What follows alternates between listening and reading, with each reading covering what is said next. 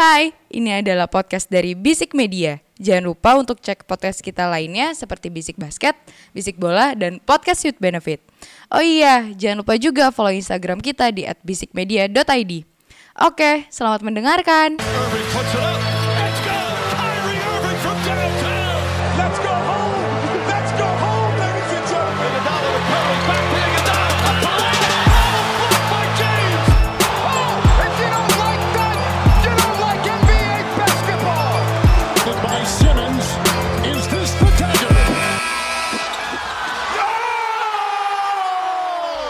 Edition of the Court episode by Basic Basket Podcast putar basket NBA dan juga dalam negeri yang diulas secara santai sebagai pecandu basket. Candu, candu. Waktunya apa sih ini sekarang? Waktunya Bucks champion lagi. Lah, Ay, lah. loh. Mau kayak episode kemarin lagi? Apa tuh? Ah. Nggak, nggak capek. Tapi emang thread ini ah. Gue dengar episode kemarin ya. Ya. Anjing gue annoying banget anjing. ya, berisik ya, berisik. Udah berisik annoying anjing ya. Semoga kalian pernah Basic Basket tetap setia lah ya. Iyalah. Seperti biasa di weekend ini kita ngetek ya, Zi, di hari Sabtu Yoi. tanggal 20 eh tanggal 30 Yos, September.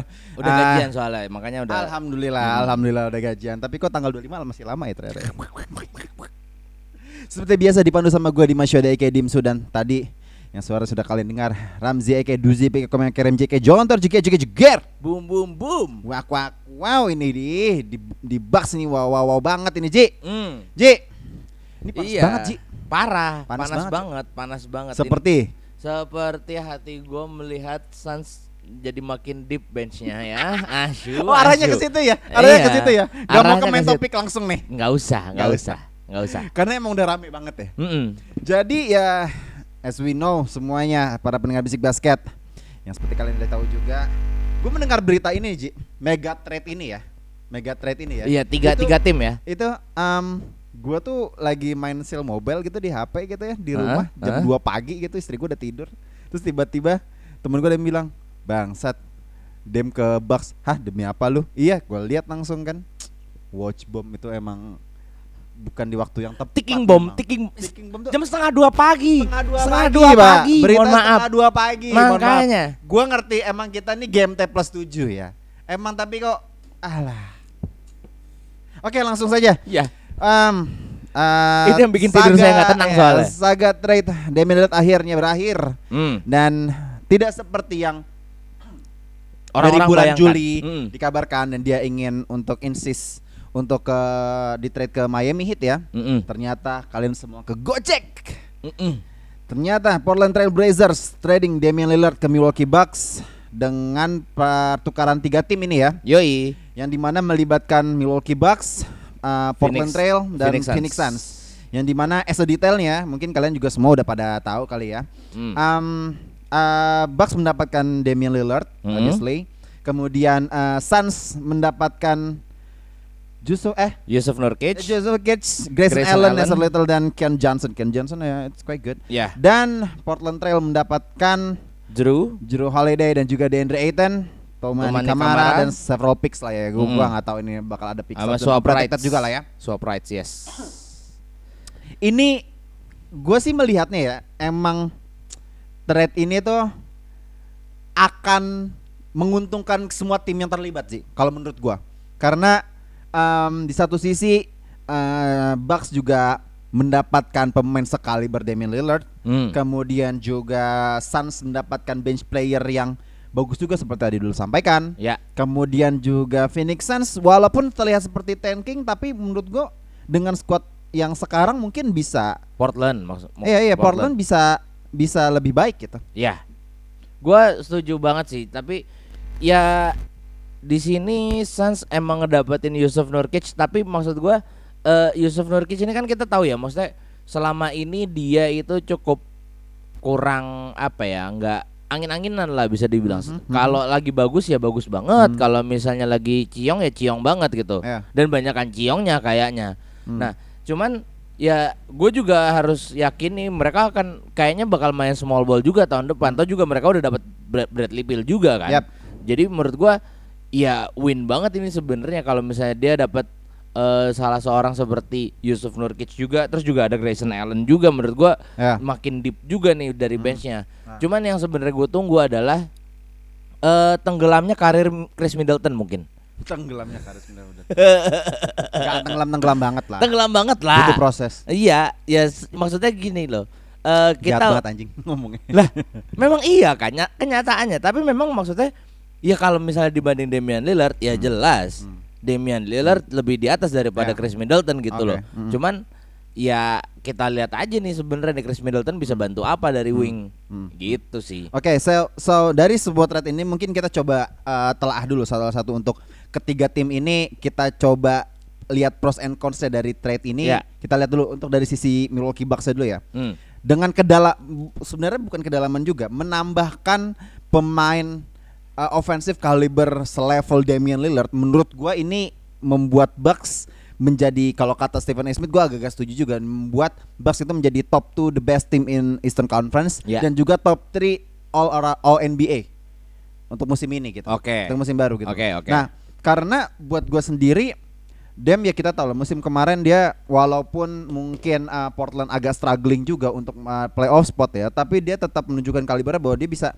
32 points per game dan Yes. 7 rebound eh 7 assist juga gitu loh. bahkan lebih lebih lebih produktif daripada Giannis Ya, Giannis 31,3 benar, benar. Nah, dengan trade ini menurut gua ini membuat offense-nya Bucks itu lebih buka eh, jadi le- lebih baik dan juga membuat mereka menjadi lebih ya lebih gila lagi offensive ratingnya gitu Yes. loh karena offensive ratingnya mereka tuh eh, di musim kemarin mereka tuh agak-agak struggling di peringkat 11 untuk dari 30 tim NBA gitu Hmm. loh. Tapi secara defensifnya mereka di top 4 seluruh 30 tim di NBA gitu loh. Jadi kalau menurut gua sebenarnya dari defensifnya mereka dengan mereka mengetrade uh, Jrue Holiday dan juga uh, Grayson Allen yang Hmm. mereka korbankan dengan picks ya menurut gua ini bener-bener keuntungan buat Bucks banget gitu loh Iya. karena dari defensifnya rating mereka pun dari sisi defense mereka nggak punya masalah sama sekali Iya. it's quite good mereka tapi dari ofensifnya mungkin agak-agak struggling karena Chris Middleton kemarin hanya bermain 30 games Yes, satu musim betul, gitu betul. loh. Nah, mereka jadinya agak-agak sedikit kelimpung dan jangan lupakan mereka juga di first round juga kalah Mm-mm. sama peringkat 8 Iya. Tapi lawan yang Heat gitu. Iya, Nah, yang jadi, jadi intinya kalau menurut gue sih dengan datangnya Dem ini akan membuat offense-nya Bucks jadi lebih baik walaupun kalau misalnya nanti Chris Middleton mungkin cedera lagi setidaknya ini udah jadi big three yang bagus banget Iya. walaupun narasinya jadi eh, top duo ya tapi Iya. menurut gua eh, Chris Middleton sebenarnya juga menolong banget sih enggak yang gue takut sebenarnya justru makin kelimpungan di defense gitu ya karena Kenapa? ya gue salah satu best perimeter defender itu adalah Jrue Holiday Mhm. harus diakui gitu loh cuman ya kehilangan Jrue Holiday mungkin agak agak pincang juga cuman ya gue ya kalau lu Oke. udah megang Giannis gitu loh di bawah Hmm. menurut gua nggak bakal terlalu ngaruh cuman ya akan banyak banget apa ya namanya ya kayak PR-nya buat para front courtnya gitu loh Hmm, hmm. Sama- eh backcourtnya sorry Iya. backcourtnya Hmm. akan sangat banyak banget PR-nya buat as in defense ya as in offense menurut gua gua udah yakin banget lah lah, ini, ini akan akan showtime banget lah iya menurut gua tapi. Jujur buat Bucks ini yang gue tunggu-tunggu adalah Hmm. eh, sebenarnya dibanding lobnya dia ke Giannis gue lebih nunggu lobnya dia ke Marcus Bolden memang iya gue setuju Iya dong, iya dong dapat kontrak loh. Setuju, setuju, Iya dong. Ayo dong Mas Bolden main dong. Love from ya gitu. Sampai itu Iya kalau misalnya balik ke tes ini mas, itu habis itu kayak eh, I don't know kayak misalnya si eh, siapa eh, em, Yuda tanya gimana? Lu mau gua love kayak Dem juga apa gimana? Cai, keren banget. bisa kali. Aji gua goosebump langsung cuy anjir. Nggak bisa banget. kali Bolden mah. kita tuh ah, gila. Bolden Walaupun bisa kita- kali geser Brook Lopez mah. Ah, udah tua juga kan? Ah. ah. tapi defen apa defensive ratingnya kalau ada Brook Lopez lebih bagus sih tapi Ah. Oke, tapi gimana Ji? Lu agak ra- agak-agak skeptis ya dengan defensive ratingnya, eh, Iya. defensifnya Bucks kalau misalnya Juru. Cuman I, I don't know, um, kalau misalnya emang eh, nggak adanya Juru tuh nanti dari perimeter defense akan seperti apa? But um, gue yakin emang kalau ngelawan Bucks tuh mereka nggak akan berani untuk ngedrive sih. Iya sih. Karena udah akan Iya. ditungguin pemain-pemain gede kayak Giannis ataupun Brook Lopez gitu. Iya. Tapi kemarin dari juga. ya, ya Bolden oke. Tapi kalau dari perimeter defense-nya Iya, kekurangan Juru, em, emang gue mungkin hanya melihat dari dari offensive way-nya ya. Gue Iya. nggak menyadari dari perimeter defense-nya, tapi Yes. but mungkin ini bisa di-adjust lagi dengan gaya bermainnya nanti Bucks di musim depan kayak akan Ya. seperti apa gitu. Dan satu hal lagi sebenarnya salah satu pemain yang paling hasil juga as in defense walaupun orang-orang pada bilang dia kotor, Grayson Allen tuh juga termasuk salah satu perimeter defense yang terbaik. Hmm. Salah satu yang oke lah, oke. Enggak dia tetap kotor. Iya sih, memang kotor sih. Enggak, dia mainnya emang jorok aja udah. Tapi mak- kasar aja udah. Enggak, tapi gitu. maksudnya hasilnya bagus gini, gini, gini, gitu gini. Gue mendingan ngeliatin mainnya siapa? Eh, Canada, I, I, I forgot. Kanada siapa? Ih, siapa? Kanada Desmond Bain. Eh Oh, Pak. Desmond Bain siapa? Ah, si, aduh. Dylan Brooks. Dylan Brooks. Gue masih mendingan ngeliat Dylan Brooks bec- because he can help on the offensive and the points juga gitu loh. Ya. Tapi kalau Grayson Allen emang pure Brengsek. white guy on the road aja gitu loh. Kayak, kayak ngerti nggak? Tipikal the redneck. hood gitu aja. Tipikal redneck. ya, ya, gitu ya, loh, ya, ngerti ya. gak sih maksud Hmm, gua? hmm, Ya, Ya, kayak ya, ya. gitu gitu loh.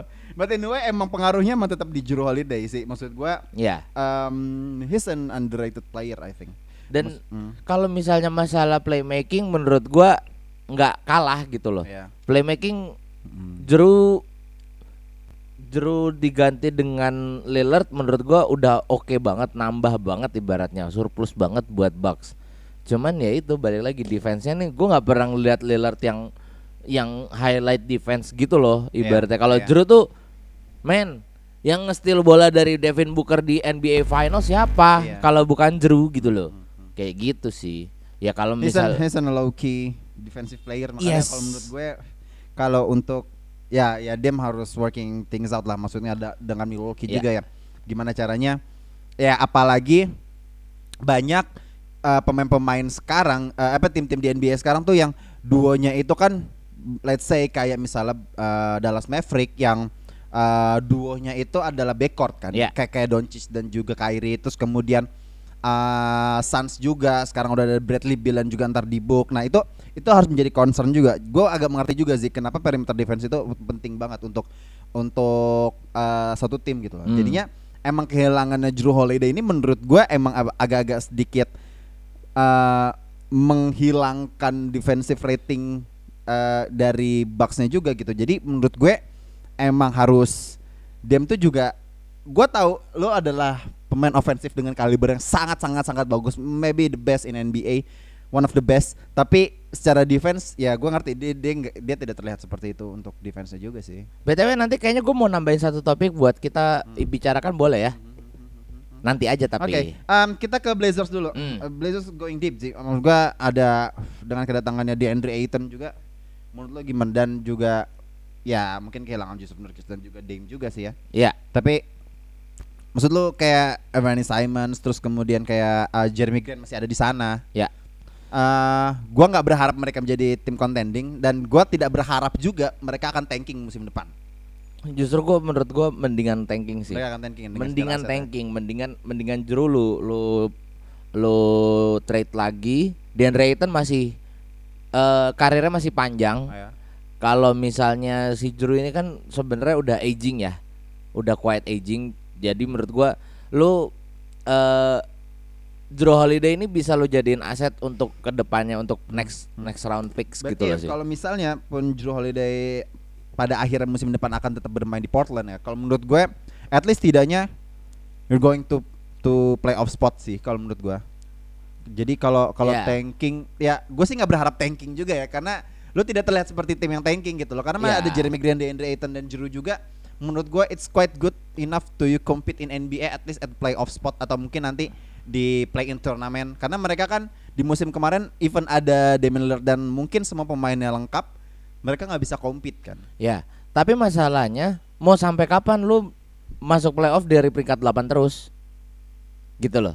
Ibaratnya. Ah, Eh menurut gua it's better lu take 2 atau tiga tahun untuk lu tanking terus akhirnya lu dapet eh aset-aset yang lebih bagus gitu loh yang lu cari another Damian Lillard yang bisa so nge-carry tim gitu that loh. um, iya Portland bakalan ngerombak habis-habis kayak OKC menurut ataupun gua Houston, Houston, ya iya menurut gua mendingan kayak gitu sih. Mhm. mendingan kayak gitu. Daripada lu ya udah lu selama ini cuman ya udah segitu-segitu aja. Lu tiap kali di playoff kita cuman deg-degan tapi nggak deg-degan. Deg-degan tapi nggak deg-degan iya maksudnya? bi- apa thrilling thrilling doang tapi lu akhirnya nggak dapet juga gitu loh pada akhirnya. Gue cuman inget Damian Lillard masukin three ke depan Bulls. Udah itu doang yang menurut gua pencapaian terbaiknya gitu loh. gue nggak melihat mereka apa ya eh bisa melangkah jauh juga dan kalau misalnya pun kayak gini terus Hmm. ya lu mau sampai kapan Ya. gitu aja. Oke oke. Um, menurut so ya buat Blazers I don't know. Tapi setidaknya untuk kalau gue punya harapan dia akan tetap berma- akan tetap di play in ya. Tapi kalaupun misalnya seperti yang narasi tadi udah lu sampaikan sih kalau misalnya emang Juru bakalan um, uh, di trade lagi atau gimana ya emang emang harus tanking sih. Harus Iya. benar-benar kan ya, ya harus Karena tanking. sayang banget sayang banget kalau Hmm. misalnya lu mau sampai kapan kayak gini-gini terus Sa- timnya gitu loh sa- ibaratnya Mau sampai kapan sih? Eh, iya Kita kan kayak gini terus. Aku tuh capek. iya si J udah hilang dia hilang juga nih Oke, so going to um, satu tim lagi yang uh, dalam trade ini ya, ada Phoenix Suns. Um, di awal musim kita agak-agak skeptis dengan uh, hilangnya CP3 ya. ya Um, kemudian uh, di di Suns sendiri hanya tersisa yang mungkin bisa bisa benar-benar diandalkan ya hanya duo KD dan juga Devin Booker gitu loh. yes sir Tapi dengan trade ini mereka mendapatkan Joseph Nurkic, kemudian Grayson Allen dan tadi ada Keon Johnson dan juga Nasir Little ya. ya Itu setidaknya menambah baiklah second unitnya dari Suns. depth Lebih depth lah. Mm-mm. Kalau menurut gua depth mm, not so much tapi ya at least untuk compete mereka tetap bisa bermain di playoff memberikan angin segar dan optimisme buat gue sih. Betul, setuju. Nah, masalahnya juga gini ya, Kak, eh, emang Suns ini gue ngelihatnya di bawah itu di front court itu kurang banget sebenarnya. Ya. Nggak ada pemain gedenya. Ibaratnya kita cuma berharap pemain gedenya waktu musim kemarin kita cuma berharap sama DeAndre Ayton. Yep. Nggak ada lagi.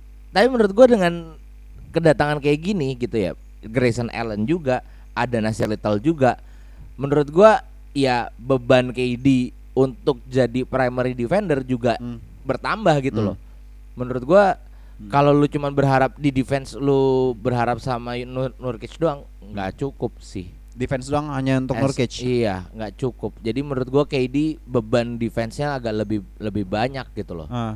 Gua tahu maksudnya DeAndre Ayton salah satu defender yang baik loh. Huh, you think so? iya, menurut gue iya, menurut You gue think iya. so? Oke. Blok per game berapa? Lo nggak lihat musim kemarin dia dibully bu Iya kalau dia musim kemarin memang dia ciong, dia goblok sih lebih arah males, lebih arah males gitu. ngerti kan maksud gua kan? Ngerti, Lo- ngerti. makanya tadi Ngerti. gua bilang one of the best def- uh, Dibully but- terus. defensive baik ya.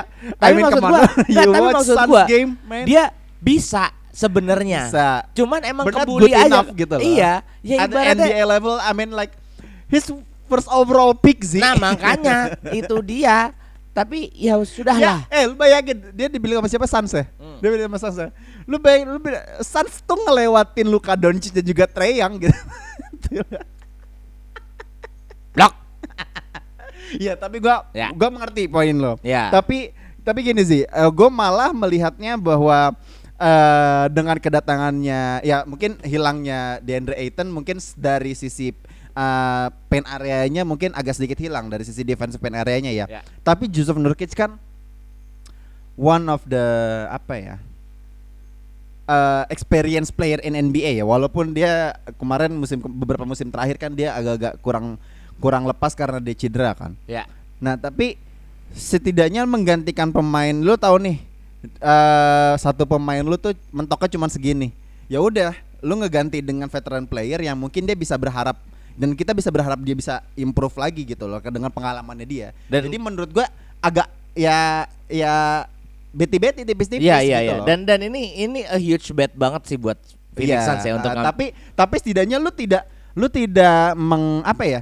Tidak mengorbankan banyak hal. Yes, betul. Ya, ya oke di Andre Ayton ya, ya ya tadi lo bilang kalau menurut gua defen, eh, defensive play-nya emang bagus tapi setidaknya gue ingat du- waktu mereka masuk NBA Finals eh, di Andre Ayton tuh salah satu yang menurut gue Terbully. as- Iya terbully iya maksud gua dibully Bucks. Kena Tapi perundungan. as, as a scorer juga dia bisa Iya, gitu loh. iya. Nah, Mungkin pertaruhannya di sini. Joseph Nurkic itu kan ya mungkin secara defensif mungkin slightly lose against Deandre Ayton Ya, lah ya. ya. Tapi secara offense-nya menurut gue Joseph Nurkic lebih bagus daripada Ya. daripada si uh, Ayton gitu loh. Jadi menurut gue akan sangat bagus banget untuk uh, Phoenix Suns karena setel- selain lu mendapatkan center yang decent juga, Hmm. at least tidaknya dari offensive in paint area lu juga dapet gitu. Ya. Dan gue juga cuman berharap Yuk Yusuf Nurkic ini bisa balik ke performanya dia waktu dia belum cedera. Waktu dia belum cedera kan gokil banget Gokil. tuh. Gokil banget tuh. European player yang kita kata kalau melihat kalau European player as a center kita cuma ngeliat Rudy Gobert tapi ya Yusuf Nurkic juga salah satu yang underrated juga kalau menurut gue. Itu Rudy Gobert siapa sih? Hah? Ma- pemain mana? Itu mas-mas Prancis Oh. yang kemarin ke Indonesia. Oh, Mas-mas Perancis. Oh, Wembenyama, Wembenyama Perancis. hilang ya kemarin iya, ya waktu di timnas makanya kayak yang yang pas gue lihat-lihat tuh Rudy Gobert tuh ada di kantong orang-orang gitu loh. Ah. Di kantongnya Willy Hernan Gomez. ya. Di kantongnya Dwight Powell. Ya, betul. Ya gitu menurut gua. Hmm. Jadi emang ya kalau berharap untuk kembali performa prime-nya Yusuf Nurkic seperti sebelum dia cedera, I think it's it's doubtful buat dia bisa performa seperti itu lagi. Kalau Tapi setidaknya Iya. gue setuju dengan pertaruhan ibaratnya Suns itu bisa lebih memaksimalkan lagi Yusuf Nurkic ya I don't know how tapi setidaknya ya ini untuk in general untuk Suns sendiri sih it's quite good sih Ya, penambahannya dia apalagi lu juga udah punya trio offense yang galak banget di Bradley Bill, KD sama De- Iya. Devin Booker sih menurut gua Iya. worth banget sih. Iya, em- ya bahkan makanya trionya sebenarnya emang fokusnya mungkin ke Damian Lillard, tapi kalau misalnya lu pada fokus coba mengalihkan fokus lu ke Phoenix Suns, can you imagine ada Debok, Bradley Bill, KD, Joseph Nurkic dan mungkin satunya nih satu satu lagi gua I don't know, Nasir Little atau siapa lah, gua nggak tahu. Masih ada Cam Johnson gak sih? Eh Cam Johnson. Cam Johnson udah udah di- ya? di- di- eh, udah di di, Nets. Nets ya. Mm-mm. Iya, ya, ya tinggal cari satu lagi. Ya itu eh, membuat gua merasa gue dengan yakin bisa bilang Suns juga masih bisa compete nanti di playoff lagi gitu. Iya, tapi masih ada yang maksud gua musim depan ini semuanya elevate sih menurut gua yang gue lihat ya maksudnya eh, penambahan penambahan penambahan dari masing-masing rosternya tuh wah seru banget Iya. sih. Heeh. Untuk Bucks dan juga Suns menurut gue it's um, quite good upgrade untuk rosternya mereka. Tapi kalau Blazers agak-agak ya mungkin mengarahnya sih ke tanking seperti yang lo bilang Iya. ya. Kalau misalnya untuk upgrade tim kayaknya enggak sih. Dan mereka makanya tadi gue sempat bilang bahwa untuk compete di playoff spot aja menurut gue itu udah hal yang terbaik buat mereka. Tapi kalau misalnya emang lo ya mungkin di setengah musim reguler mereka udah kayak terlihat kayaknya gua nggak bisa compete nih apalagi mereka bermain di Wild Wild West I think Iya. it's tanking Iya. it's gonna be tank Harus Tim. harus ngetank sih menurut Iya. gua. Oke mungkin buat ngedapetin oh ini Brownie James Ya. Tama lu apa apa lu mau nanya apa nih Eh, tadi kan kita udah ngomongin Timnas ya? beberapa pemain enggak, pemain-pemain yang udah bisa dibilang aging ya. aging Apakah Lu ngomong LeBron nih pasti Bukan, bukan, bukan. LeBron. Enggak, enggak, enggak Ya, cuman dia. year 21 Enggak, masalahnya itu salah satunya. Soalnya kan dia kan abis ngepost Let's Get It kan eh, Iya. jam 3 pagi kan Let's Get It latihan apaan subuh sepertiga malam latihan Tahajud latihan ya? tahajud ngomong malah sepertiga latihan. malam Let's Get It Let's Get It tuh being close to Allah ya. Ah. Ah, enggak. Gimana? Enggak. aging aging Jadi ya, aging ya. Menurut gua eh apakah ini sebuah fenomena bahwa Hmm. eh ya bahwa kita sudah mendekati akhir dari golden era ini gitu loh. Era apa Ah. nih maksud lo Kayak tanpa lu sadari KD juga udah masuk ke ya he's year already 30, keberapa, 30, heeh.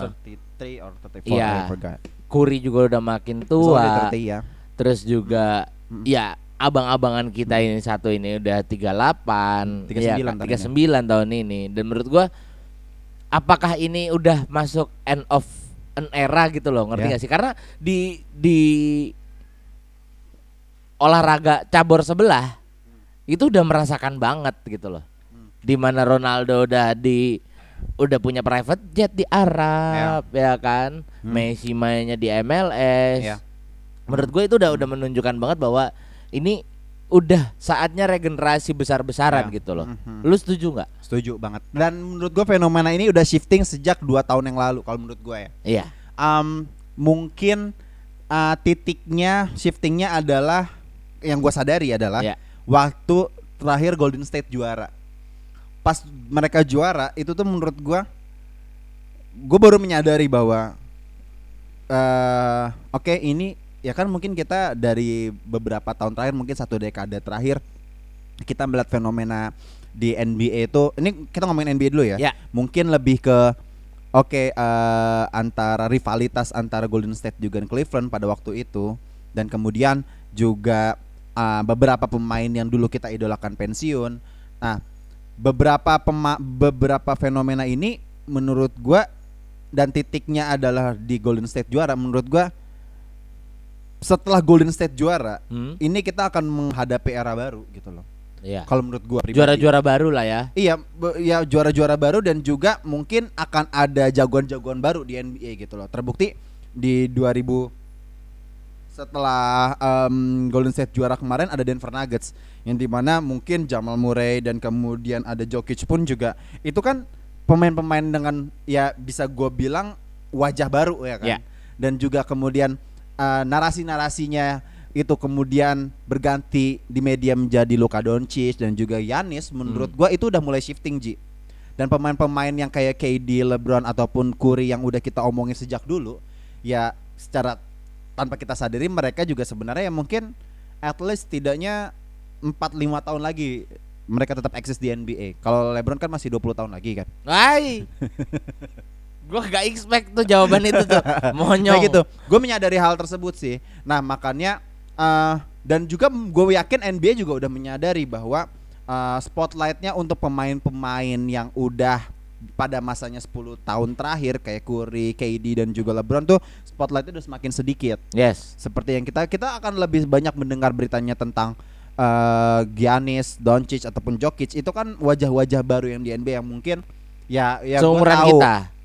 Iya, iya, gua gua paham lah. Dia mereka udah ada di NBA mungkin 4 5 tahun belakangan gitu loh. Hmm. Tapi kan wajah-wajah seperti Curry yang udah kita tahu dari 2009, kemudian KD yang dari 2007, LeBron pun yang dari 2004. Menurut gue ya kita tuh udah di era yang siap menghadapi NBA wajah baru NBA gitu dan kita udah pernah bahas ini kan wajah Ya. baru NBA kan Ya. gitu. Jadi menurut gue itu ya yang eh, hal yang harus kita sadari dan harus kita terima bahwa NBA udah shifting dan Ya. kalau cabur yang lain kan mungkin fenomenanya nggak hanya dari satu liga doang, Yes, It's betul. worldwide gitu loh. Betul. And there's a lot of um, eh, apa ya bisa dibilang ya, there's a lot of choices untuk pemain sepak bola di olahraga di, di sepak bola gitu loh. Lu bisa mencari uang ataupun mencari fame di negara orang gitu. Oke. Nah kalau misalnya di NBA kan ya udah jalur lu hanya di NBA. Kalau misalnya bermain untuk di EuroLeague menurut I think terlalu bergeng terlalu gengsi lah. Iya, legasinya juga nggak ada aku bisa Iya dibilang. mungkin. Walaupun KD sempat bilang kayaknya gue pas pensiun gue mau pengen main di EuroLeague dalat. Salah, kebalik, kebalik. Nggak ya. mungkin, heeh. akan mungkin. Jadi kalau menurut gue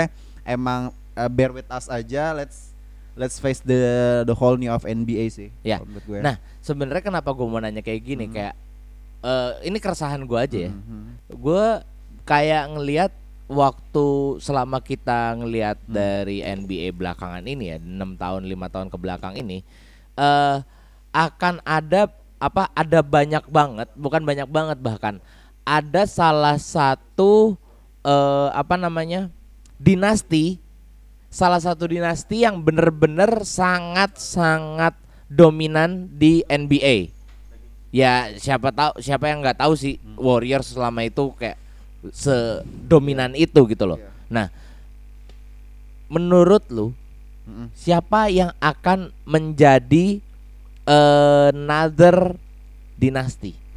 Another dynasty. Karena gue punya jawabannya. Apa? Menurut gua Ah, ah. pribadi Ah. Houston sih. Dan. Houston bisa jadi dinasti Ya. dinasti lagi selanjutnya. Ah, ah, ah. Tapi gua nggak tahu kapan. Ah, ah, Tapi menurut gua Houston dengan segala aset yang dia punya sekarang ya, Iya. Sengun, KPJ, Ah. selama mereka bisa stick with the team, menurut gua worth sih.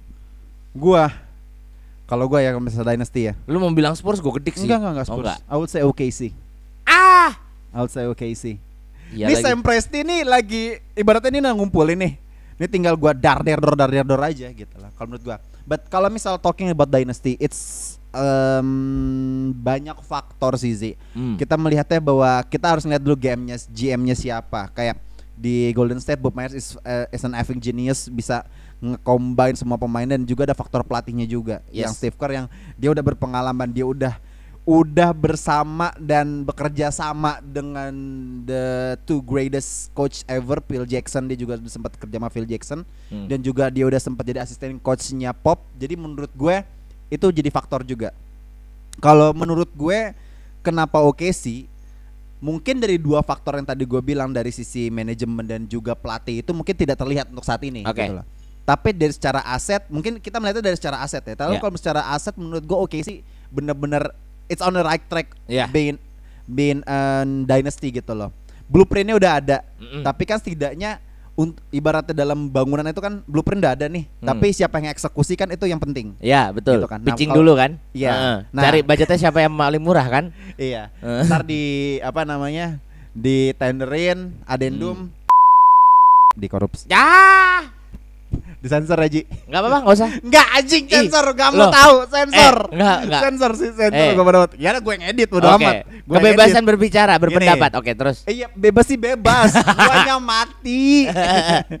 nah, tapi gitu poin gua adalah blueprintnya udah ada eh, dan tinggal dua poin yang tadi pelatih dan juga manajemennya seperti apa. Gimana GM-nya? Eh, Sam Presti menurut gue it- it's quite good dia udah melakukan apa eh, dari beberapa tahun belakangan untuk mengambil aset yang menurut gua udah mendapatkan eh, ya at least sudah mulai terlihat lah ya, dengan suksesnya SGA kemudian eh, ada Gide, Poku, Ya. ada Ludors juga. Itu kan pemain-pemain yang menurut gua cukup bagus gitu loh. Nah, paling Itu siapa? kan Ini Chet Holmgren juga masih Chet ada Holmgren tuh di pemain, situ. Ah, my boy Chet Holmgren. Nah, itu kan bener-bener udah ada blueprintnya udah ada gitu. loh. Hmm. Tinggal eksekusinya siapa yang menurut gua yang pelatihnya harus benar-benar sekaliber uh, Phil Jackson. seperti Phil Jackson atau at least tidaknya Steve Kerr lah yang yang benar-benar bagus untuk, untuk um, for making a dynasty gitu. Yang loh. jelas bukan di Doc Rivers dong. Nanti kalah mulu di game 7. Gua lanjutin ya. Ya, boleh. Gua lanjutin ya. Boleh, Jadi boleh. menurut gua itu banyak faktor untuk membuat dynasty dan juga se- eh, sebenarnya tuh biasa gua nggak terlalu suka dengan narasi dynasty karena kalau lu melihat sebuah dinasti itu kan kita selalu melihatnya bahwa di ujungnya seperti apa Hmm. pencapaian lo akan seperti apa? Gitu loh. Gue malah dulu, dulu awal meyakini bahwa Bucks bakal menjadi dinasti yang baru gitu loh. Tapi so Hmm. far setelah ya gue ambil patokannya 2013 ngambil Giannis ya. Dari udah hampir 10 tahun mereka nyucinya cuma satu. Talking about dynasty enggak juga gitu loh. Ya. ya kan? Nah makanya banyak faktor dan mungkin ada hal-hal yang uh, di depan sana nanti akan terjadi. Jadi kalau menurut gue kalau untuk menyentuh sedikit kata dynasty dengan tadi parameter apa satu? Uh, aset pemain kemudian manajemen dan juga pelatih yang kompeten menurut gue oke sih udah udah punya satu modalnya. Ya. tapi kalau uh, dua lain ini dua yang lain ini gue masih belum melihat itu. Tapi kalau misalnya gue menanggapi dengan Houston loh kalau menurut gue em, tiga perempat satu poin untuk blueprint menurut gue Houston udah bagus. Iya, iya benar. tapi dua tiganya ini gua nggak tahu nih bakalan seperti apa. Karena um, gua setahu gua Houston is uh, one of the big market juga ya. Hmm. mereka punya modal itu. Houston kan uh, di luar Amerika kalau nggak salah fanbase-nya terbesar. Hmm. untuk Houston ya. Di, di China di Asia tuh Ya. salah satu yang terbesar gitu loh. Mereka udah punya modal itu. Nah tinggal seperti apa um, Houston ini akan membawa timnya gitu loh karena gue melihatnya bahwa Houston nih seperti yang kayak ada ada Jalen Green kemudian Sengun dan nama-nama tadi yang udah lu KBJ. sampaikan dan juga kalau nggak salah ngesign Van Fleet dan juga Dillon Brooks kan Yes. nah itu it's quite good tapi uh, talking about dynasty menurut gue it's not quite uh, kita belum bi- bisa di sana gitu loh Way too early. Bahwa itu early banget. Jadi menurut gue uh, Houston punya modal untuk bagus untuk tanking tapi bisa jadi kita bisa melihatnya di 3 4 tahun ke depan akan seperti apa. Kalau misalnya ngeliat ngeliat OKC dan juga Houston karena kan mereka dua tim ini yang terlihat udah tanking dari 2 3 tahun terakhir kan. Ya.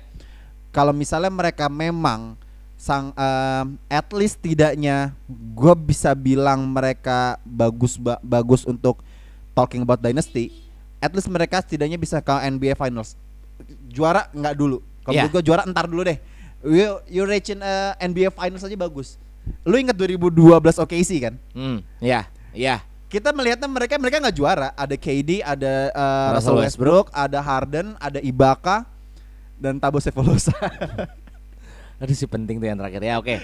penting Ah, banget ada sih. Steven Adams at that Iya, time, ya iya. kan? Kalau mereka punya modal bagus seperti poin tadi gue yang pertama gue bilang, dia ada blueprint. Tapi ya oke sih memilih untuk membubarkan mereka semua gitu, ngedisband mereka semua gitu loh. Tapi kita akan mengingat tim tersebut they quite good at that time. Wah, parah Could sih. you imagine kalau mereka semua bertahan tiga pemain tadi kita gua sebutin di awal itu semuanya MVP, loh, Yes. ya kan? Yes, sir. Ya itu. Nah makanya gue bilang bahwa tiga empat tahun ke depan kita nggak akan tahu dinamikanya akan seperti apa untuk satu, sebuah satu tim. Gitu. Bisa jadi Sengun nanti udah keluar terus malah jadi superstar di salah satu Nah, franchise iya. mungkin. Jalen Green keluar pindah ke satu tim dulu, abis itu mungkinin balik ke PBA. Pindah ke ya, I don't know. I'm- I mean, I mean like. Baliknya ke PBA anjing. Man dia kan half Filipinos. iya sih. Nggak, Ya sudah, maksud gua, ya, ya. tapi you see my point kan. Maksudnya uh, it's too early talking about dynasty, tapi setidaknya tiga poin yang tadi udah gua sampaikan adalah uh, yang menurut gua ya Houston punya blueprint yang sangat bagus, tapi kalau misalnya ngomongin blueprint menurut gua oke sih Lebih lengkap. Nah, masalahnya adalah eh, biasanya untuk yang tadi manajemen dan juga pelatih kan itu kan uh, uh, it's a long term plan kan. Yes. Tapi masalah blueprint ini kan masih bisa kayak missing puzzle gitu loh. Ya. Lu nge-trade ini, lu nge-trade itu, lu bisa bisa lah ngesign pemain yang utama lu kemudian nambah all star all star caliber kan bisa-bisa kayak gitu. Pun juga s- eh, Golden State kan juga seperti itu kan ya. lu masih gue masih inget eh nih lu harus ah lu ngomongin tentang ini kan ngomongin eh eh, apa ngomongin dynasty kan Hmm. lu tahu lu nih coba pernah bisa basket lu buka akun eh, YouTube namanya Jimmy High Roller, High Roller Mm-mm. Oke. ngomongin basket tuh Ya. Jimmy High Roller ada satu kontennya dia bilang what ifs moment at the NBA lu Oke. harus nonton itu Oke. jadi di video itu dia bilang ada beberapa trade krusial yang terjadi di NBA dan what if kalau ini nggak kejadian Oke. salah satunya aja ya dia dia ngomongin dynasty dynastinya Bulls kemudian dinasti apa sorry apa eh, dia ngomong dinastinya Lakers. eh, Lakers juga kemudian dia ngomongin dinastinya terakhir ngomongin dinastinya Golden State Oh, ini singkat oke. aja ya, ini Iya. singkat aja ya. Jadi dynasty uh, Golden State itu sebelum terjadinya blueprint ini, Hah? Golden State itu waktu itu kalau segarnya Monta Ellis. Yes, betul. Monta Ellis bener kan? yes. Nah, ada tawaran trade dari Bucks pada saat itu. 2000 eh I forgot 2010 atau 2011 gue lupa. Hmm. Waktu itu masih guardnya adalah Monta Ellis dan juga si uh, Stephen Curry. Iya. Stephen Curry pada pada awal-awal musimnya dia, dia tuh anklean terus, Mm-mm. cederaan terus. Mm. Sedangkan Monta Ellis ya I mean come on, uh, first uh, scoring optionnya Golden Ya. State dia kan. Waktu itu Betul. pelatihnya masih Steve uh, ini Mark Jackson. Bucks nawarin tawaran trade, Mm. tapi gue minta point guard pada waktu itu. Dia nukernya kalau nggak salah waktu itu minta oh Andrew Bogut. Oke. Andrew Bogut itu masih di Bogut. Bucks. Yes. Nah, minta trade nih si Bucks nih antara Golden antara Monta Ellis sama Stephen Curry kan. Ya. Golden State pada waktu itu nawarin Stephen Curry. Ah. Pokoknya Wow, Stephen wow, Curry, Wow, gitu kan. wow, wow, wow. Tapi Bucks pada saat itu gua nggak mau dia uh, consider ini uh, healthy isunya karena engkelan terus. Yes. Akhirnya ya udah deh Golden State gue minta Monta Ellis aja. Tuh keramen Andrew Bogut. And the rest is history. Ah, yes. Sama kayak yang Kobe kan, karena Iya. Kobe kan juga Bahkan dari Charlotte iya. kan, Ah? Charlotte Bobcats kan awalnya. Bobcats iya. Ini ada yang lebih gila lagi. Ini yang ngomongin uh, legasinya ini ya. Legasinya uh, uh, apa uh, tripitnya Lakers. Hmm. Pas abis uh, Phil Jackson cabut dari uh, apa? Dari Bucks. Eh sorry sorry dari Bucks dari Bulls. Itu kan kemudian uh, 2000 kan Phil Jackson kan ngelatih Lakers kan. Hmm. At that time si Michael Jordan itu tuh dia ini eh lagi diambang antara ngelanjutin karir atau enggak. Oh iya, oke. Dan di salah satu media Michael apa, apa Michael Jordan bilang MJ bilang gini, gua membalik ke NBA tapi kalau gue pengen dilatih sama Phil Jackson. Hmm. Dan sebelum 2000 musim apa du- eh, tahun 2000 musimnya mulai, Hmm. itu Michael Jack apa Michael Jackson lagi. Ya. Michael Jordan Hah? MJ itu udah latihan sama Lakers. Tapi akhirnya dia milih ke Washington Wizards kan. Oke. Lu bayangin kalau misalnya ada MJ, di old MJ obviously. Iya. Kemudian untuk ada Kobe Heeh. dan juga waktu itu ada Shaq. Ya. Waktu itu considernya Lakers tuh udah mau mau ngesign si MJ karena waktu itu Kobe kan masih muda banget dia baru tahun keempat di NBA. Iya. Tolong dong didik nih pemain gua nih gitu Hmm. kan. At least tutor him as a better being a better player gitu loh. Hmm. Gue bayangin kalau misalnya MJ tuh masuk squad tripit itu nggak akan 6 9 dia cincin juara men. Iya sih. Wah. Makin untouchable.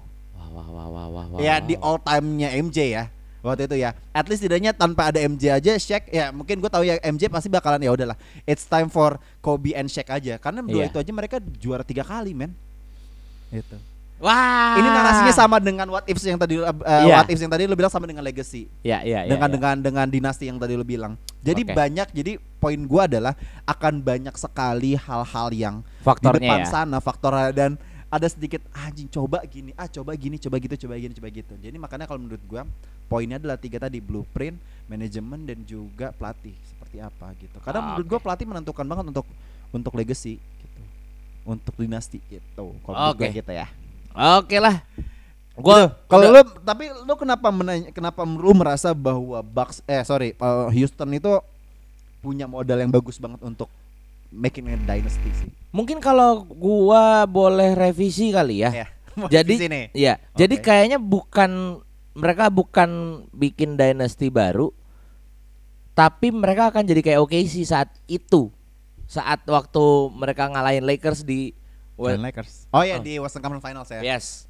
Jadi eh, entertaining aja. Ya. Tapi mungkin ke depannya Hmm. Mereka akan dicomot-comot sama tim-tim lain yang Mm. ibaratnya nih Jalen Green, Sengun, terus sama KPJ nggak akan mungkin berebut Oh, spotlight. KPJ emang main. Eh kok KPJ? Iya, eh, iya, iya, KPJ Kel- ada di ada di bener, tapi memang main. Kan dia habis dia accuse untuk sempat ma eh, Oh iya, bener juga. iya, iya, iya. Kau pacar. Iya. Ya pokoknya eh intinya salah satu Allegedly ya tadi Iya. allegedly ya, allegedly ya. mereka nggak akan mungkin membagi spotlight mereka di tetap di dalam satu franchise Iya. dan menurut gue salah satu akan cabut dan akan bersinar just like Harden. Iya iya iya iya. iya.